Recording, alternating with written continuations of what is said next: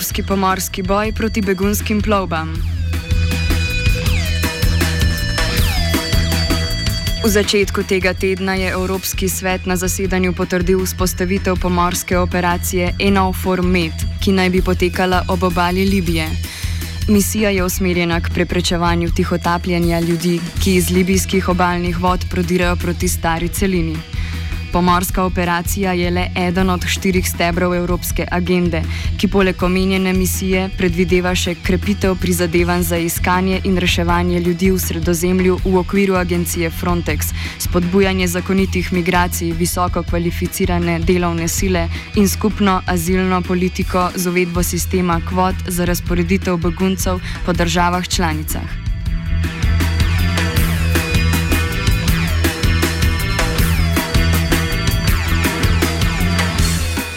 Za celostni zagon pomorske operacije pa Evropski vrh za zdaj še čaka na potrditev Varnostnega sveta Združenih narodov, ki bi odobril vojaško posredovanje v libijskih teritorijalnih vodah, ki bi se na to pričelo v juniju.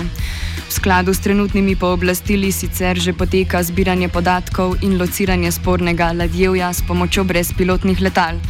O tem, kako zastavljena rešitev sploh pripomore k reševanju mediteranske migracijske krize, Ayman Zori, predsednik Egiptovskega združenja za migrantske študije. Uh, actually, um, with respect to combating uh, the flows of migrants or flows of uh, humans uh, trying to cross the Mediterranean towards Europe, the, the whole European policy regarding this is going towards the, the uh, sort of uh, forced prevention of the flows of migrants uh, without uh, respecting the, the, the diversity of those people because they include, they don't include actually uh, uh, trafficked people, they include, it's a mixed migration flow, which means that they include refugees, they, they have rights according to the international laws.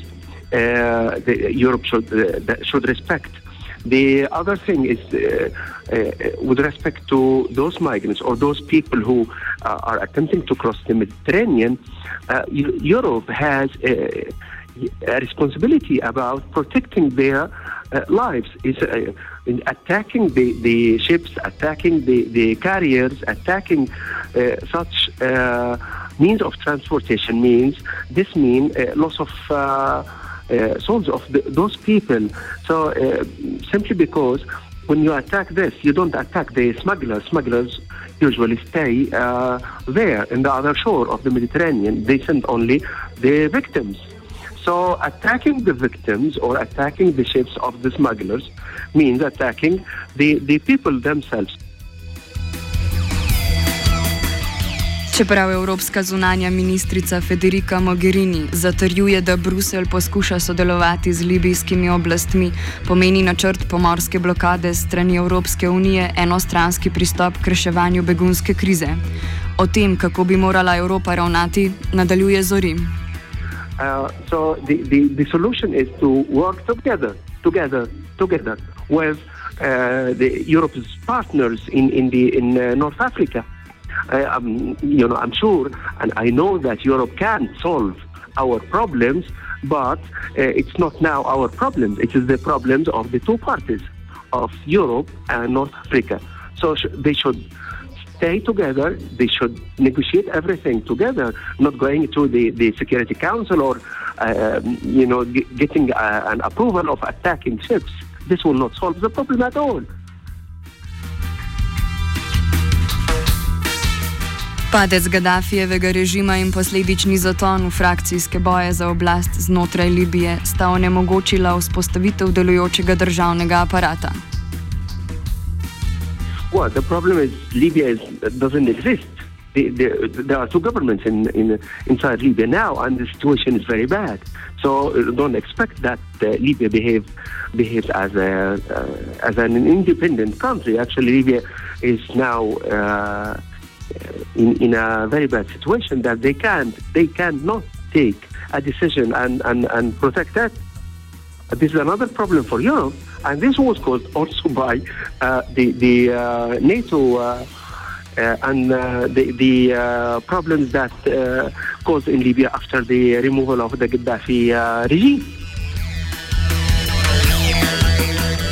O tem, kako se z razmerami v Libiji soočajo humanitarne organizacije, nadaljuje Joel Milman iz Mednarodne organizacije za migracije.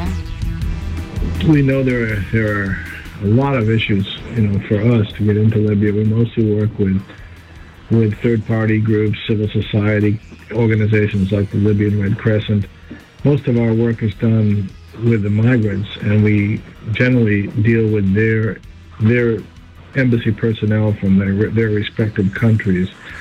So, you know, we'd like to engage more with more groups in, in Libya, but it's just been so difficult to, to identify a central authority in so many of these different issues, although there are some that we work with regularly. Uh, mostly we've been dealing with the with the folks who uh, represent the embassies and diplomatic corps of the countries of the citizens we're trying to help.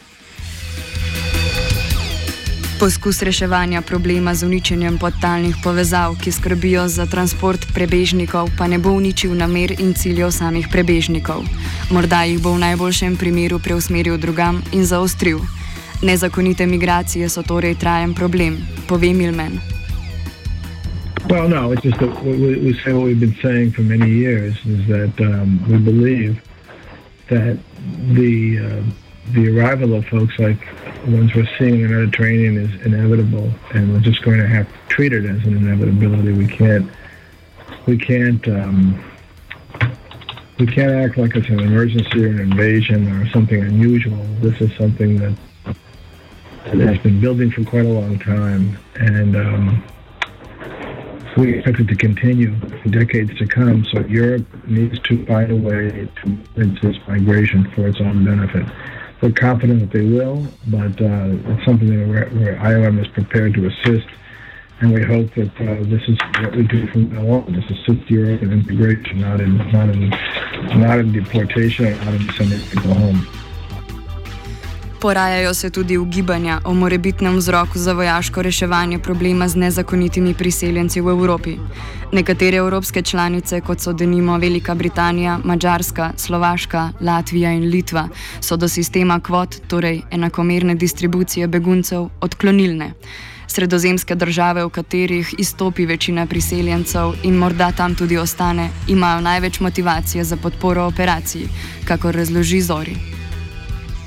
Yeah, yeah, of course, there's imbalance of the distribution of refugees and and uh, and other uh, types of migrants because uh, Italy, Spain, uh, and Greece is uh, are in the fr- front of the the, the uh, battle, and other European countries they don't share burden like these countries. So it's very very logical, very uh, justified for these countries to to uh, to seek help and to to ask for distributing the the burden among other countries. So it doesn't mean that Italy is in the front that they uh, receive all the uh, the the flows of migrants, but the problem that the problem in in Europe that you should register your refugee status or you should uh, place your claim uh, or asylum seeking claim in the first country of arrival. In this case, the first country of arrival is usually Italy. So this needs a legal, uh, legal reform to uh, distribute the burden among other countries in the, in the uh, north. Offside sta pripravila vajenka Maruša in Jošt.